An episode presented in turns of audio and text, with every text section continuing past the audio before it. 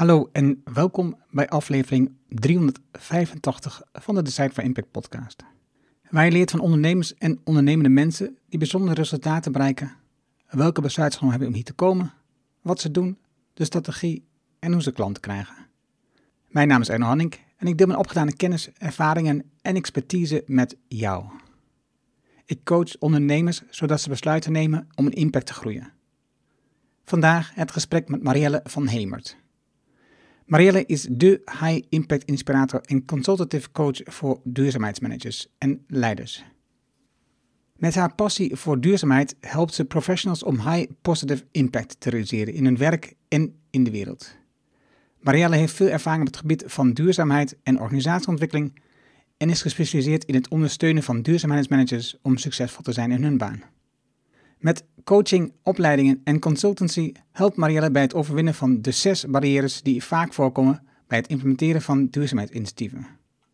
Ze richt zich ook op conscious leadership, waarbij persoonlijk en professionele ontwikkeling centraal staat.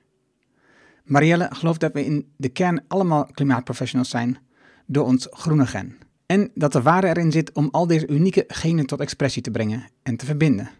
Want groen is er in ontelbare varianten. En die zijn alle nodig. Laten we beginnen.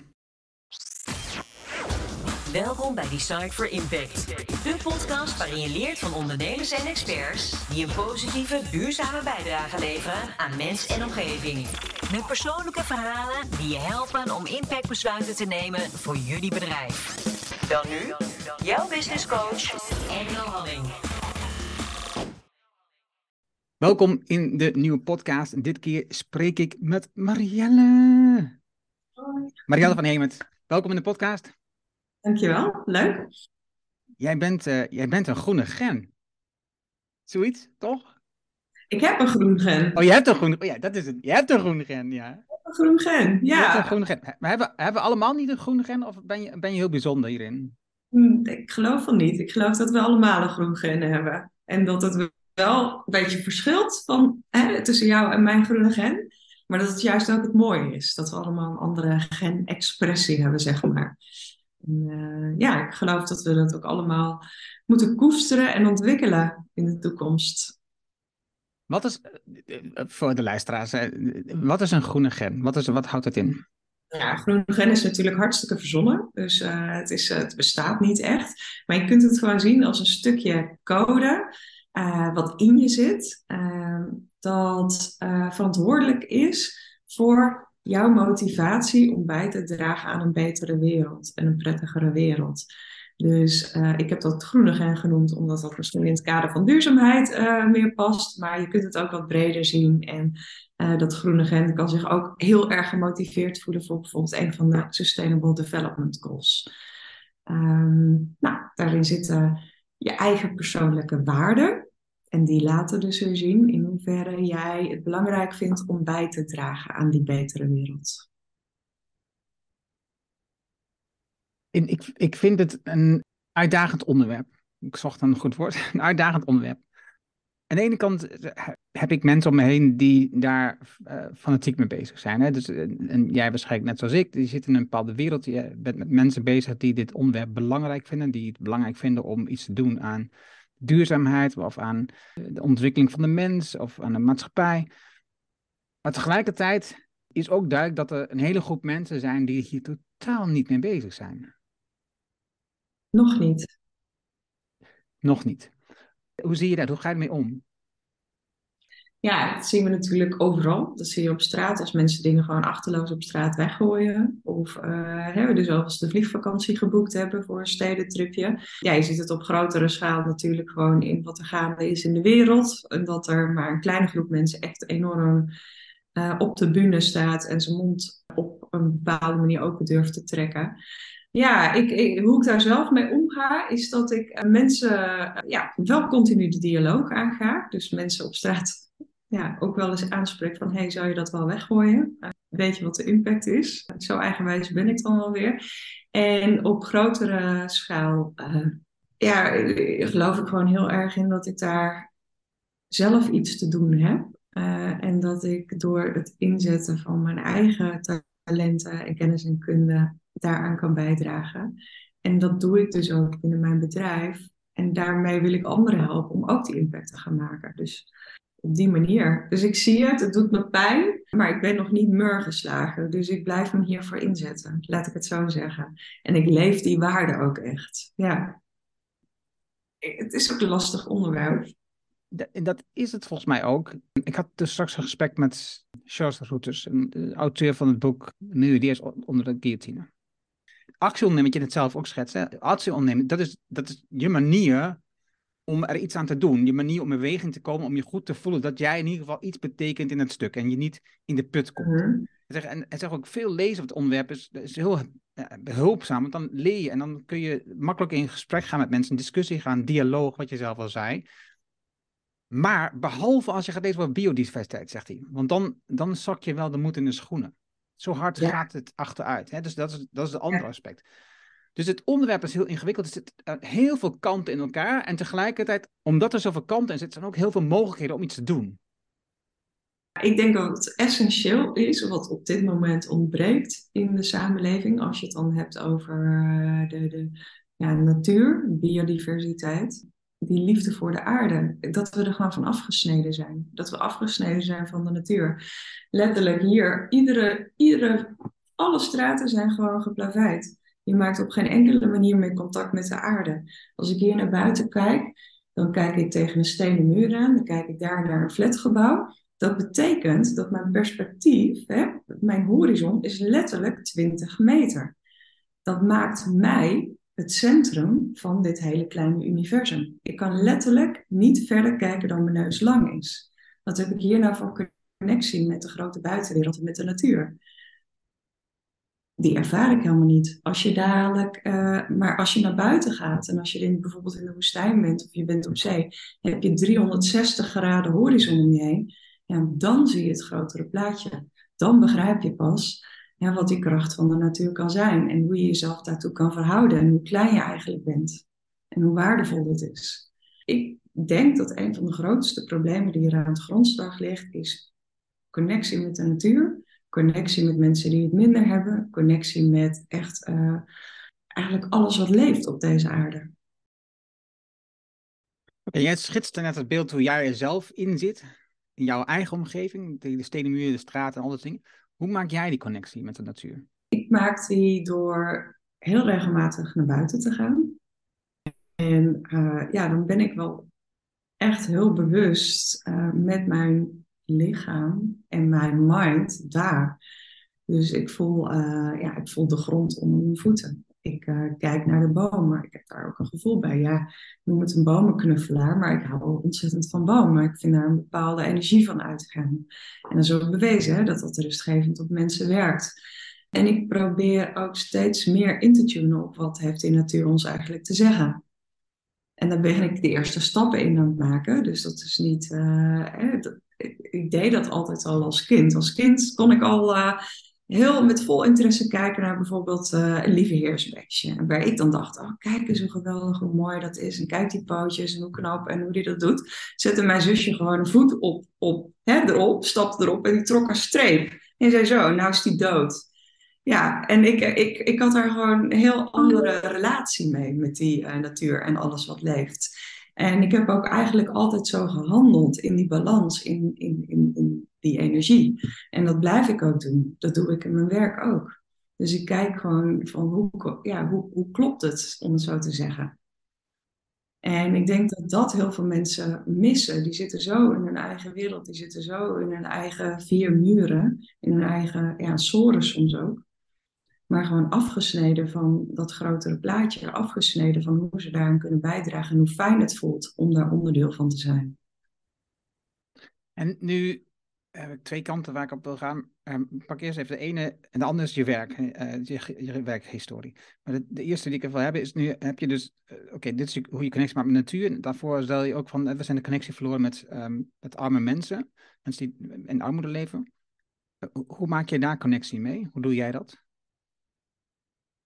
Nou, dat is een hele goede vraag, want dan ben ik laatst weer even mezelf te raden gegaan. Uh, door uh, persoonlijke situaties die ik heb meegemaakt, waarin ik ontdekt heb hoe makkelijk het is om uh, bijvoorbeeld ook als, uh, alleenstaande moeder ja, af te glijden naar een lagere economische klasse.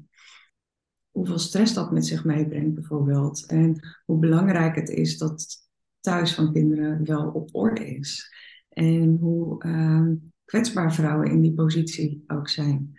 Uh, dus ik was wel weer eens op zoek naar van oké, waar kan ik ondersteunen? Uh, hoe kan ik dat op die manier, wat ik heb zelf nu heb ervaren en bij mij is het allemaal goed gegaan. Maar ik dacht wel van, oh ja, er zijn dus echt mensen die er ontzettend kwetsbaar in zijn. En is levensbepalend, niet alleen voor hen, maar ook voor hun kinderen en de wereld. Uh, want als je geen veiligheid hebt, um, ja, dan, dan is zorgen voor jezelf de eerste prioriteit. En dan is zorgen voor de wereld een lagere prioriteit. Ja, ja. Ik zit een ehm, boek te lezen van Peter Singer, professor of de ethiek.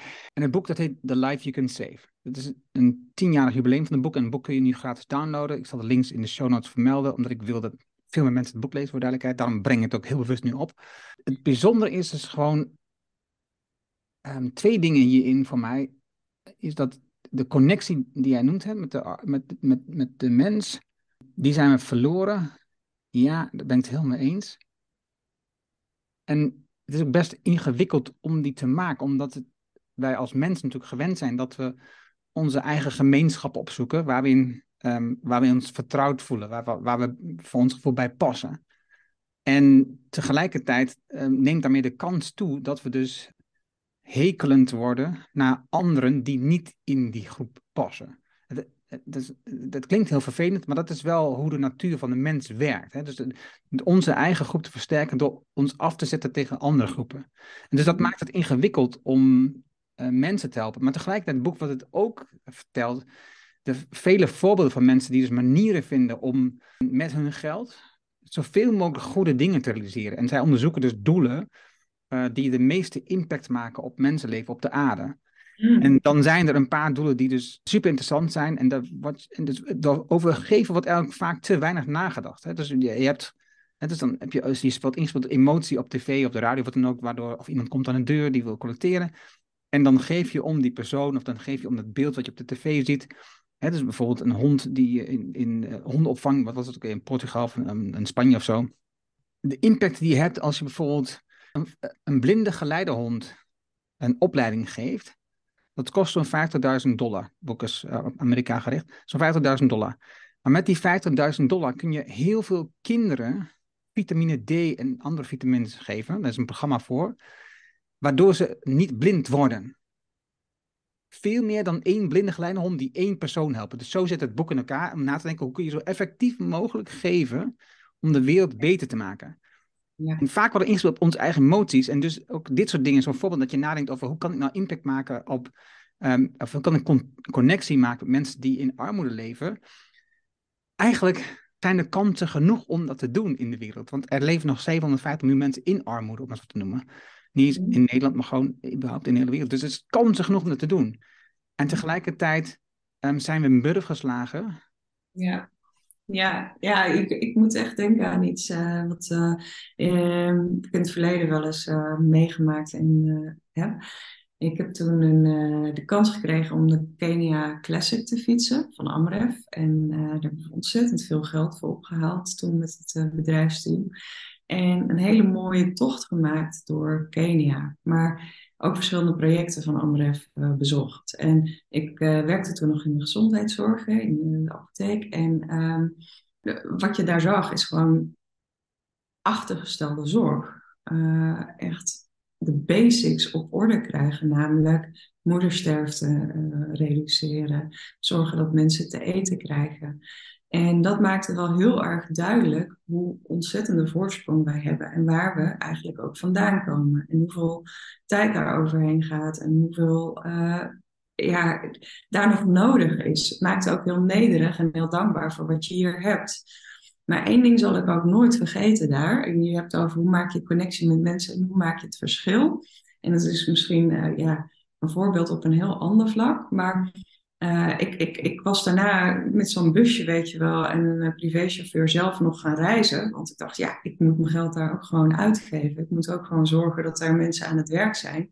En ik kwam op een gegeven moment bij zo'n zo'n tentenkamp aan in, in zo'n natuurpark.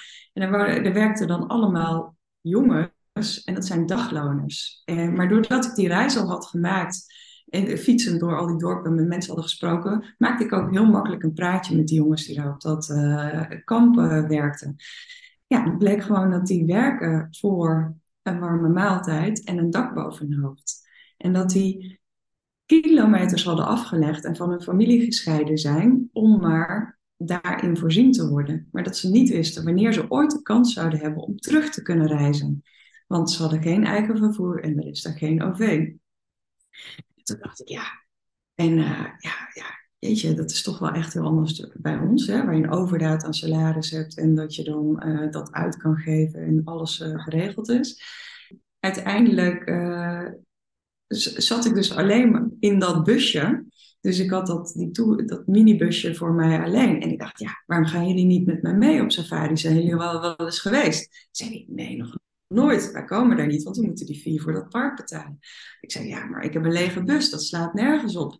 Waarom ga je niet gewoon mee? Dus ik had het overlegd met mijn chauffeur, die zei, ja, gaan we doen. Er heeft echt nog nooit iemand mij gevraagd in de 25 jaar dat ik uh, hè, daar werk.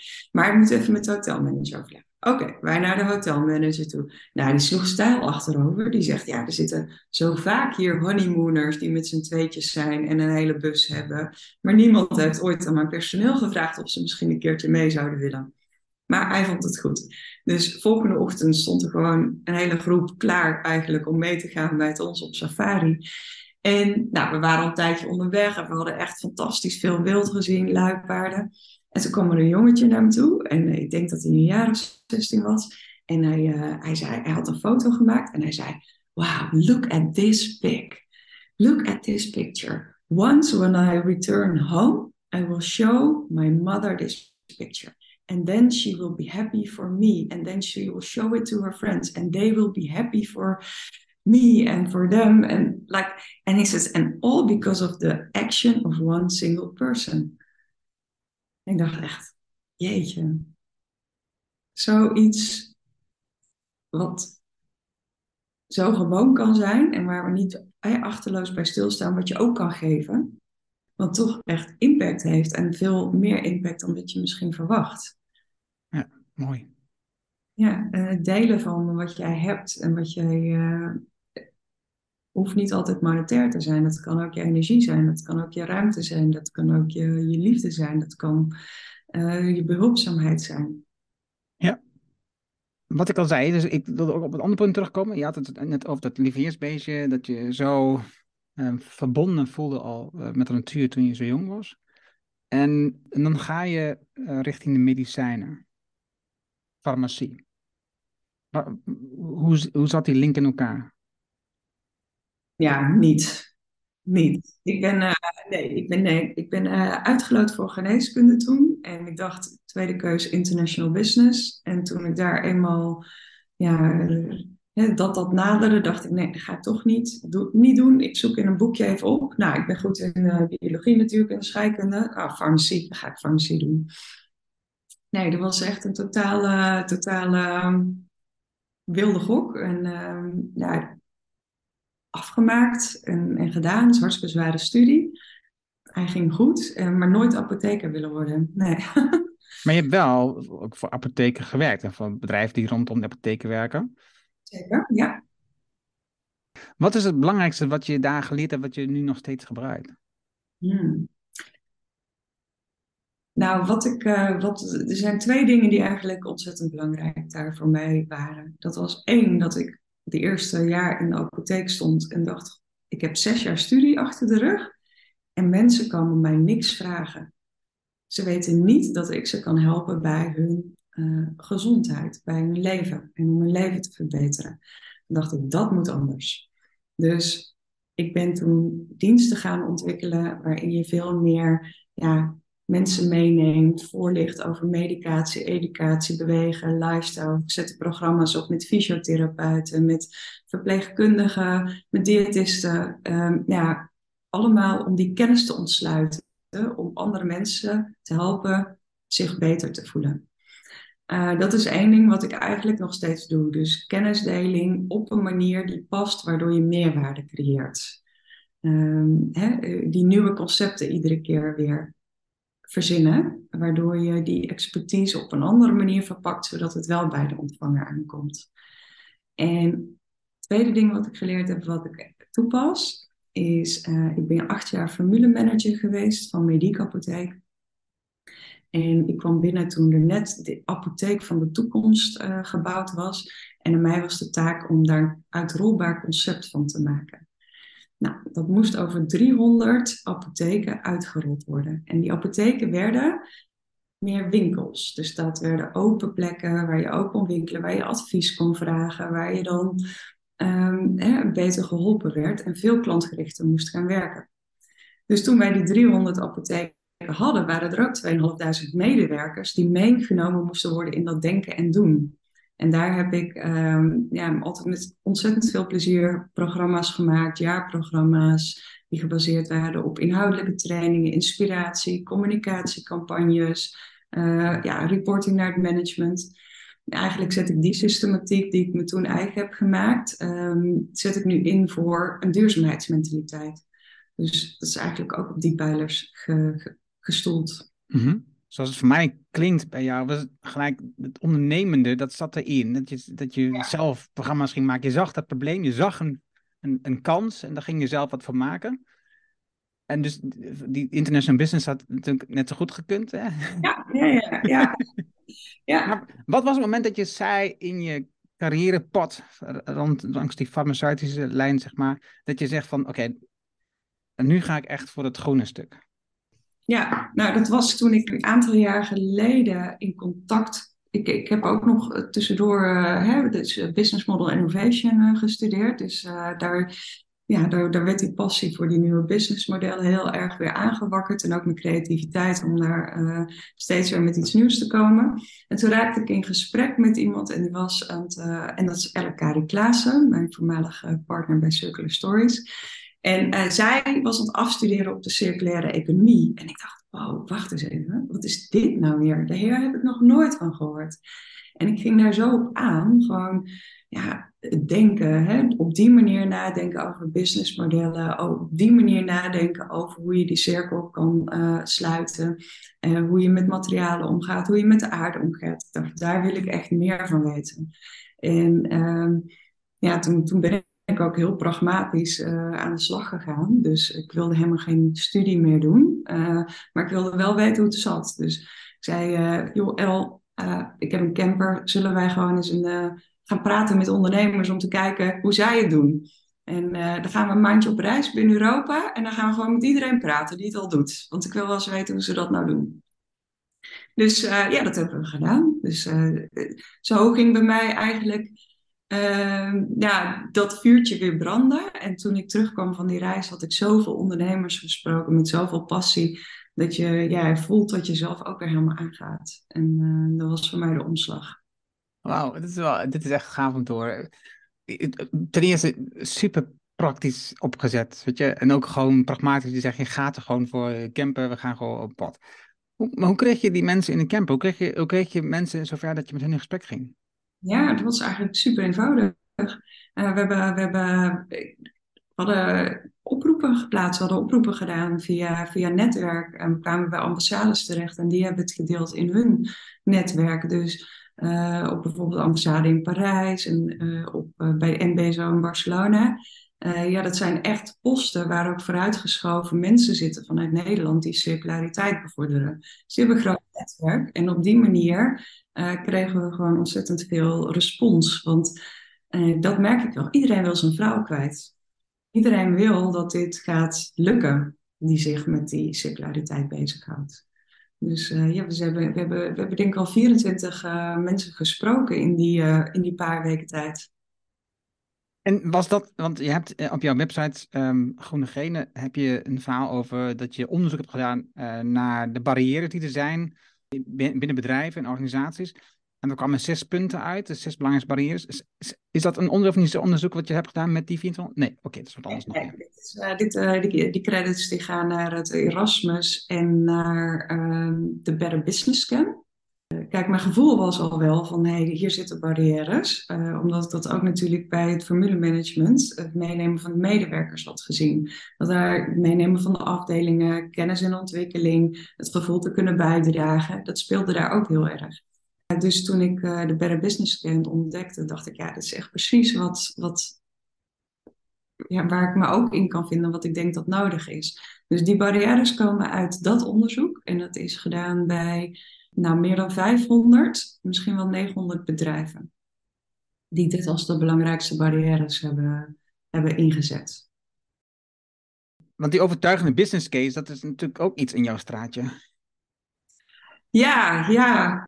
Nou, ik, moet zeggen, ik ben niet degene die dat helemaal kan doorrekenen, hè, zoals ze dat uh, de, de, de, mensen in uh, sommige bedrijven supergoed kunnen. Maar wij zijn wel inderdaad heel creatief in het vinden van uh, nieuwe KPI's en laten zien dat een business case zich niet alleen op geld richt, maar ook dat er andere waarde gecreëerd kan worden voor mensen, economische impact, ecologische impact, sociale impact. En op die manier de business case sluitend kunnen maken. En is dat, is dat ook een. Merk jij bij, ja, bij de klanten, bij de, die ondernemers die je gesproken toen. Is dat een groot probleem om het circulaire stuk tussen quotes rendabel te maken? Nou, bij de mensen die ik toen gesproken had, was dat zeker zo. Dus uh, die zaten eigenlijk allemaal vol overtuiging, waren ze aan het ondernemen, maar financieel hadden ze gewoon grote uitdagingen om, om het renderend te maken ik denk dat dat ja, nu in het bedrijfsleven juist wel heel lonend kan zijn, maar dat het wel een stukje voorinvestering vraagt. Dat hoort een ondernemer natuurlijk niet graag. Want dat betekent dat je op lange termijn resultaten mag verwachten. En eigenlijk wil je, de MKB-ondernemers willen gewoon morgen resultaten zien. Toen straks had ik met iemand ook over en zij vertelde ook, weet als je kijkt naar wat er nu duidelijk is in de wereld is dat als we, als we wachten, dan wordt het steeds kostbaarder. Het wordt steeds duurder om, om het probleem op te lossen waar, waar, die we aan het creëren zijn. Mm. Dus, dus natuurlijk is dat voor de overheid van belang, maar dit is ook voor bedrijven van belang. Weet je, als je lang wacht met het aanpassen van jouw bedrijf richting een circulaire manier van werken, bijvoorbeeld, hè, dus een circulaire is dan is een van de oplossingen, of een van de middelen, dan wordt het het wordt telkens, ieder jaar wordt het kostbaarder om het te veranderen. Ja, maar ik denk dat het ook, uh, kijk, circulariteit is ook een vorm van zuinigheid. Uh, dus je, je denkt gewoon ontzettend goed na over je resources. En als je uh, tegen iemand zou zeggen van joh, wat als ik met een methode kom om 10% van de kosten op onze grondstoffen te verlagen, dan heb je al, hè, dan krijg je wel iedereen mee in de directie. En we moeten toe dat we helemaal geen grondstoffen meer winnen. Nou, precies. Of in ieder geval geen, uh, geen primaire. Alleen maar uh, dus grondstoffen die al een keertje gebruikt zijn. Ja. Maar dat is natuurlijk ingewikkeld nog als de producten die gemaakt zijn in de wereld goedkoper zijn als ze nieuw zijn. Ja, ja we hebben natuurlijk de laatste, de laatste jaren uh, geoptimaliseerd in bijvoorbeeld ook productie van plastic. Hè? Dus dat hele proces van de productie van plastic is zo geoptimaliseerd dat het nu zo goedkoop kan zijn. Uh, ja, voor andere producten, de meer duurzame uh, circulaire producten, zijn we zover nog niet. Dus uh, ja, daar gaat ook nog wel wat jaren overheen voordat dat eh, zo loopt als een trein, als de hele plasticproductie, om het zo te zeggen. Nee, um, Paul Schendeling die heeft een boek geschreven, um, Er is leven na de groei. Het belangrijkste onderdeel van zijn oplossing is dat we de belasting gaan verhogen op vervuilende consumentenproducten. Mm -hmm. Dus producten die, en, en, dat kun je natuurlijk op vele vlakken nadenken, hè, ook over de grondstofwinning, maar ook gewoon over het afval wat ze daarna produceren, dat, die dus, dat dus de belasting op die producten progressief worden. En dus uh, hoe meer vervuilen, hoe hoger de belasting is voor dat product. En als we, als we dat gaan doen, en dat kunnen we gewoon in Nederland, legt hij uit, hij is econoom, En dan kunnen we dus um, ervoor zorgen dat dus dat soort producten die dus duurzaam wordt geproduceerd, die, die je net schetst, die dus wel met een circulaire oplossing werken. Mhm. Eh, dat zij dus ehm, vergelijkbaar worden in prijs bijvoorbeeld. Dat kun je dan organiseren of zelfs goedkoper worden in prijs. Daarnaast, eh, als ze dat dus doet, betekent dat dat producten allemaal duurder worden. En betekent dat mensen die nu weinig hebben, straks minder te besteden zouden hebben. Dus dat, dat, nou, dat, zou heel vervelend zijn. Maar dat betekent dat, dat de mensen die dus weinig hebben, gewoon er slechter van worden. En de mensen die genoeg hebben, dat, die merken het niet. Dus dan stelt hij daarnaast voor om de belasting op arbeid te verlagen. Dus je verhoogt de belasting op producten, eindproducten. En je verlaagt de belasting op arbeid. Dat is interessant voor ehm, bedrijven, want dan kunnen ze meer mensen aannemen om het werk te verrichten. Plus het heeft een groot voordeel dat je dus, ehm, als je een product hebt, dat ehm, als je arbeid goedkoper maakt, dat je het ook beter kunt laten repareren. Dus je kunt het product ook beter maken dat het reparabel wordt. Die wetgeving in Europa verandert ook gelukkig op dat vlak. Hè? Dus we moeten producten maken die reparabel zijn. Ehm, dus er zitten wel heel veel kansen gelukkig in, in dat vlak. Maar dan, dan moet er dus wel ook actie worden ondernomen vanuit de overheid om dingen wat betreft regelgeving aan te passen. En wat hij mij heeft uitgelegd, Paul, en ik heb ook in de podcast gehad, is ook dat het dus gewoon mogelijk is door, door groepen mensen zeg maar, te mobiliseren om dit, om dit voor elkaar te krijgen vanuit de overheid. Dat we dit echt willen met elkaar. Want als je de meeste mensen vraagt, dan willen de meeste mensen dit ook gewoon. We willen wel verduurzamen. Maar als we met de portemonnee in de hand bij de kassa staan, dan gaat de portemonnee voor dat willen van verduurzamen, jammer genoeg nog. Maar als dus de portemonnee ook zegt dat het beter is, ja, dan is het, dan is het gewoon de logische uitkomst. Ja, ja, ja ik denk dat, uh, dat je daar gelijk in hebt, maar het vraagt gewoon ontzettend veel. Hoe, hoe zoiets te, te creëren, dat is echt wel... Een beweging. Een beweging van mensen die het willen. En dat samen organiseren. Ja. En, men, en mensen doen dus mee, mensen zoals jij, burgers en ik, maar ook um, ondernemers. Die kunnen namelijk zeggen, ja, als we dit zo organiseren, dan kunnen wij wel duurzaam producten maken in Nederland. Hebben we minder last van goedkope producten die uit, uh, uit China komen. Um, we kunnen meer mensen aannemen, want arbeid wordt goedkoop. Dus je kunt bedrijven mobiliseren, je kunt gemeentes mobiliseren. Dus kunnen heel veel dingen kun je best voor elkaar krijgen. Dus waarom gebeurt het niet als die case zo, zo, zo helder is? Ze zijn daar nu mee bezig. Hè? Dus ze hebben het boek is net gelanceerd. Ze zijn in het land daar uh, nu aandacht aan voor aan het krijgen. Um. Er zijn nu twee discussietafels georganiseerd uh, volgende maand en die maand op. Waarbij een aantal mensen gaan nadenken hoe we die mobilisatie voor elkaar kunnen krijgen. Hoe gaan we mee in de slag met elkaar en hoe kunnen we het dan verspreiden? Eigenlijk, waar ik dus denk, oké, okay, zoiets wat we met de IDG-hub ook doen, dat we mensen zeg maar op zo'n onderwerp helemaal aankrijgen um, en dan dat verspreiden met elkaar. Ja, nou, het zou best wel, best wel eens mooi zijn om uh, daar een dialoog op te zetten, bedenk ik nu. Huh? Om, om uh, die wisdom of the crowd eens uh, te gaan vragen van hoe krijgen we dit voor elkaar? Waar hebben we nog nodig? Wat kun je zelf doen? Nee, en in principe, die wisdom of the crowd, die is er, die is er al. Hè? Als je kijkt naar wat um, Eva Rovers doet met haar burgerberaden om het voor elkaar te krijgen. Dat je, dat je op een onderwerp een discussie voert vanuit mensen die um, gekozen worden uit, uit de burgers. Uh, dus de kansen zijn er volgens mij. En over Eva Rovers die is ook, zit ook aan die tafel, dus, dat, uh, dus die, die is bij betrokken bijvoorbeeld. En ja, dus. En ik heb ook dus wel ook weer tegelijkertijd het gevoel, er gebeurt ook heel veel, weet je wel. Dus jij bent van, van het farmacie-stuk naar groene genen, weet je wel. Je bent, je bent ook je, je, wat er ooit in dat zaadje zat, ben je ook gaan ontwikkelen. En uh, je bent nu um, betrokken bij het opzet van de IDG-hub Utrecht. Ja. En, je, en je, op je profiel staat ook dat je IDG voice bent. Dus je, je wilt ook het verwoorden naar de wereld. Dus beweging is er ook. Wat dat betreft ben ik ook wel weer optimistisch. Er gebeurt veel. Maar wat je zei, het is groot. Het is groot. Ja, er gebeurt veel. En ik denk dat, dat, dat overal die kleine initiatieven die je ziet en de energie, hè, die bubbelt daar. Dus onder en boven de oppervlakte zie je al die transformaties ontstaan. Ja, en uiteindelijk gaat dat naar een, uh, ja, een hoger bewustzijn en ook actie. Ja, dat denk ik ook. Jij hebt nu een aantal mooie klanten die je helpt met jouw bedrijf Groene Genen. Hoe eenvoudig of hoe ingewikkeld is het voor jou om klanten te werven op dat vlak?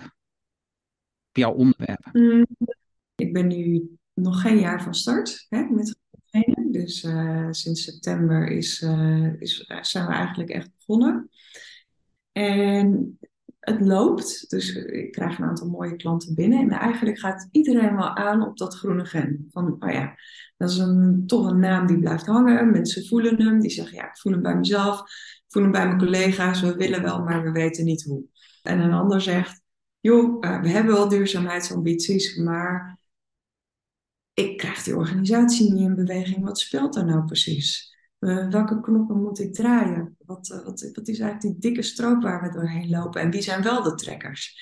Ja, en dat kan ik inzichtelijk maken. Dus daar, daar zijn mensen wel heel erg in geïnteresseerd. Dus ik verwacht, ja. Nou, deze klanten hebben zich daar ook voor aangemeld. Um, voor, ja, even kijken. Wat zit, ja, ik, ik, ben zelf verrast dat de dialoog uh, nog niet overal veel tractie vindt. Juist omdat we ook met elkaar zien dat die gesprekken heel erg nodig zijn. Dat kennisontwikkeling nodig is. Dat er heel veel mensen nodig zijn om die beweging te maken. Dat er ook wel heel veel mensen al mee bezig zijn. Ja, zou ik zeggen van het is dus als leider van een organisatie ontzettend belangrijk om te weten wat er speelt bij je mensen hoe zij over die duurzaamheid denken, wat ze al weten, wat ze zelf al geprobeerd hebben, wat ze privé doen, wat ze misschien op een andere werk al geprobeerd hebben en ervaring mee hebben. En die mensen beter aan elkaar te verbinden um, met die dialoog, um, ja, levert mijn inziens ontzettend veel waardevolle data op of ontzettend veel wisdom. Um, ja, en dus uh, voor, voor organisaties ook uh, heel inzichtelijk waar de common ground zit voor die next stap. Maar ook zeker tien bruikbare ideeën die ze, die ze de komende maanden kunnen gaan doen waar draagvlak voor is. Dus ja. En dat dialoog, dat is dus een belangrijk is, het, is een onderdeel van het werk wat jij doet bij klanten? Ja, zeker. Ja, ja, we maken gebruik van uh, diverse tools. Eén uh, is cultuurwaardeonderzoek. Uh, daar kijken we dus naar de intrinsieke motivatie van mensen en de waarden die ze aanhangen en in hoeverre die bijdragen aan de uh, duurzaamheidsambities. Dus is iemand intrinsiek gemotiveerd voor duurzaamheid, ja of nee? Of wat is er voor nodig om die stap te maken? Um, en is jouw cultuur dus aligned met jouw duurzaamheidsambities? Uh, en het tweede is een, uh, ja, een, een, digitale dialoogtool, waarin ik niet tien usual suspects die normaal in het green team zitten of die over duurzaamheid gaan, maar misschien wel 2000 mensen kan bevragen op dit onderwerp en ook kan meenemen in de implementatie van mijn beleid. Dus stel je hebt een hele mooie visie ontwikkeld en je hebt beleid ontwikkeld en je moet dat gaan implementeren dan uh, zijn de mensen op de werkvloer of in het veld cruciaal. En die wil je gaan betrekken. En die hebben zelf ook bepaalde kennis die ze juist kunnen inbrengen om uh, die implementatie te versnellen. Of om te komen met oplossingen waar je zelf nog niet aan gedacht hebt. Um, dus ja, ik maak het mogelijk om veel grotere groepen te verbinden op onderwerpen en op de vraagstukken waar ja, de duurzaamheidsmanager nog van wakker ligt s'nachts. Ja. Mooi dat je dat zegt, de duurzaamheidsmanager wakker ligt, ja. Ja, nou, ik hoop dat er iemand van wakker ligt. Nou ja, een vriendin van mij die is bezig met een boek. En, en, en, dat gaat hier onder andere over de, de duurzaamheidsmanager die wakker ligt. En het, is een, het is een het boek, maar het kaart al deze aspecten aan. Het is, super, het is een super mooi verhaal wat ze vertelt over. En dialoog, ik vind het, uh, het komt ook weer zo vaak op mijn pad, uh, dialoog. Um, ik, ik, werd door diezelfde vriendin werd ik verteld over uh, Nora Bateson.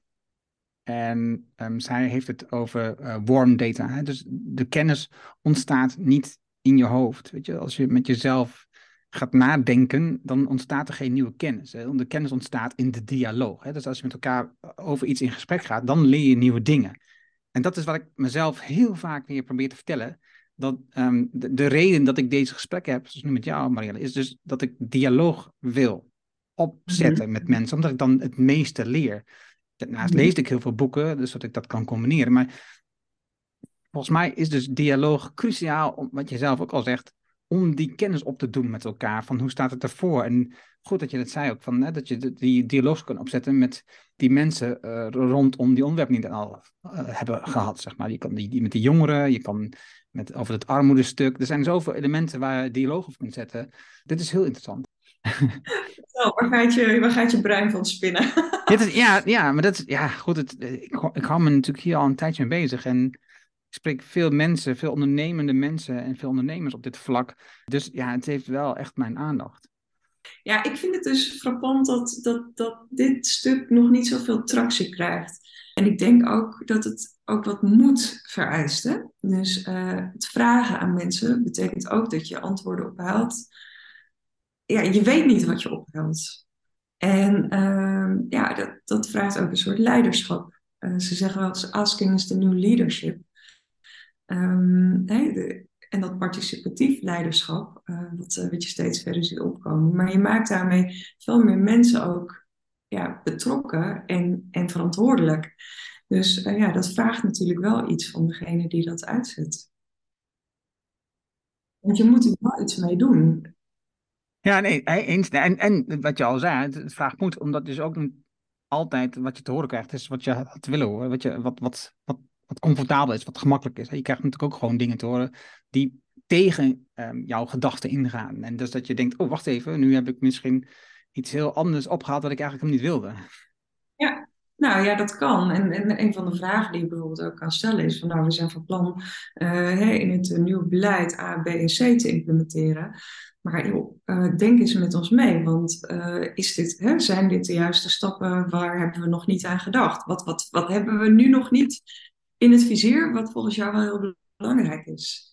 En dan kan je best wel reacties terugkrijgen, waardoor je later moet communiceren. Nou, dank je wel voor je mening. A, gaan we doen, krijgen we jouw steun. jullie hebben de ideeën verrijkt en uh, nou, dankjewel, want het is nu beter en we weten zeker dat we succesvol gaan zijn. B, oeh, daar kwamen wel wat dingen boven water die mogelijk risico hebben, moeten we nader onderzoeken. Hè, op die manier het ook teruggeven naar de groep maakt ook dat je, dat je ja, ze meeneemt in jouw stappen, maar dat je ook het gewoon veel beter en sneller fijn slijpt wat, wat je te doen hebt. Organisatie niet groener wordt dan uh, haar leiders. Kijk, een van de dingen die mij uh, die, die, die me opvallen is dat er een stijging te zien is in het aantal duurzaamheidsprofessionals dat ingehuurd wordt. En dat er heel veel green teams geïnstalleerd worden die geïsoleerd zijn van het bedrijf eigenlijk en de, de, de operatie. En um, ja, ik denk dat, dat steeds meer bedrijven eigenlijk gaan verlangen van hun mensen dat er een duurzaamheidsmentaliteit, een groen gen, over de hele linie komt. Om ook in de toekomst goed aan het werk te kunnen blijven en om die expertise ook in huis te hebben. En ja, dat, ja, daarmee wil ik eigenlijk gewoon zeggen van ja, het wordt gewoon steeds belangrijker om dat groene gen in je organisatie te verankeren en daar ook aandacht aan te besteden. En dat, dat zit zowel op, eh, op, op, hè, op, op niveau als op de werkvloer. Dus uh, ja, een organisatie wordt niet groener dan haar mensen. Ja, en dat denk je hebt een goed punt. Als je dat blijft inhuren, dan wordt het nooit onderdeel van je organisatie. Nee, en dat is denk ik wat je te doen hebt. Ja, je kan de expertise naar binnen En die kunnen het ontzettend aanjagen en versnellen. Uh, maar het is ook zaak dat echt jouw mensen die ontwikkeling gaan doormaken. En dat eigenlijk dat duurzaam denken en doen bij ieder project verankerd is. Maar ook gewoon doordat ze weten hoe ze dat moeten toepassen. En waar ze aan moeten denken. En wat bijvoorbeeld de circulaire principes zijn. Ja, ja mooi. Mooie aanvulling. Marianne. Dankjewel voor jouw kennis en inzicht. Ik heb weer geleerd over de, de groene gen, natuurlijk, uiteraard, dat is jouw ding. Maar ook gewoon überhaupt over het nadenken over mensen meenemen in de organisatie, over de verbinding zoeken met de natuur, verbinding zoeken met mensen buiten jouzelf, buiten, buiten je eigen comfortzone, zeg maar, voor het gemak. Hoe je nadenkt over de vergroening voor organisatie, maar dan vanuit de hele organisatie. Niet alleen mensen die inhuurt, maar ook niet alleen vanuit de leider, maar ook vanuit iedereen en daar de dialoog op kunt voeren met mensen om ervoor te zorgen dat je dat, nou ja, dat, je dat ophaalt en, en kijkt hoe je dat kunt meenemen in je strategie of in je plannen voor de toekomst. Dus ik vond het zeker waardevol. Dankjewel. Dankjewel. Dat was het mooie gesprek met Marianne. Je vindt de namen en links die we noemden in het artikel dat bij deze uitzending hoort. Ga daarvoor naar decideforimpact.com slash show 385. Wil je vanzelf de volgende aflevering van deze podcast op je telefoon ontvangen? Dat kan heel eenvoudig. Heb je een iPhone, dan zit daar standaard de Apple Podcast app op. Open deze app, zoek de Decide for Impact podcast op en klik op abonneer. Oh ja, zet het vinkje aan dat je ook de aflevering wilt downloaden. Heb je een Android-telefoon, download dan eerst bijvoorbeeld de Player FM app. Zoek dan de Decide for Impact podcast op en klik op abonneer. Dankjewel hiervoor.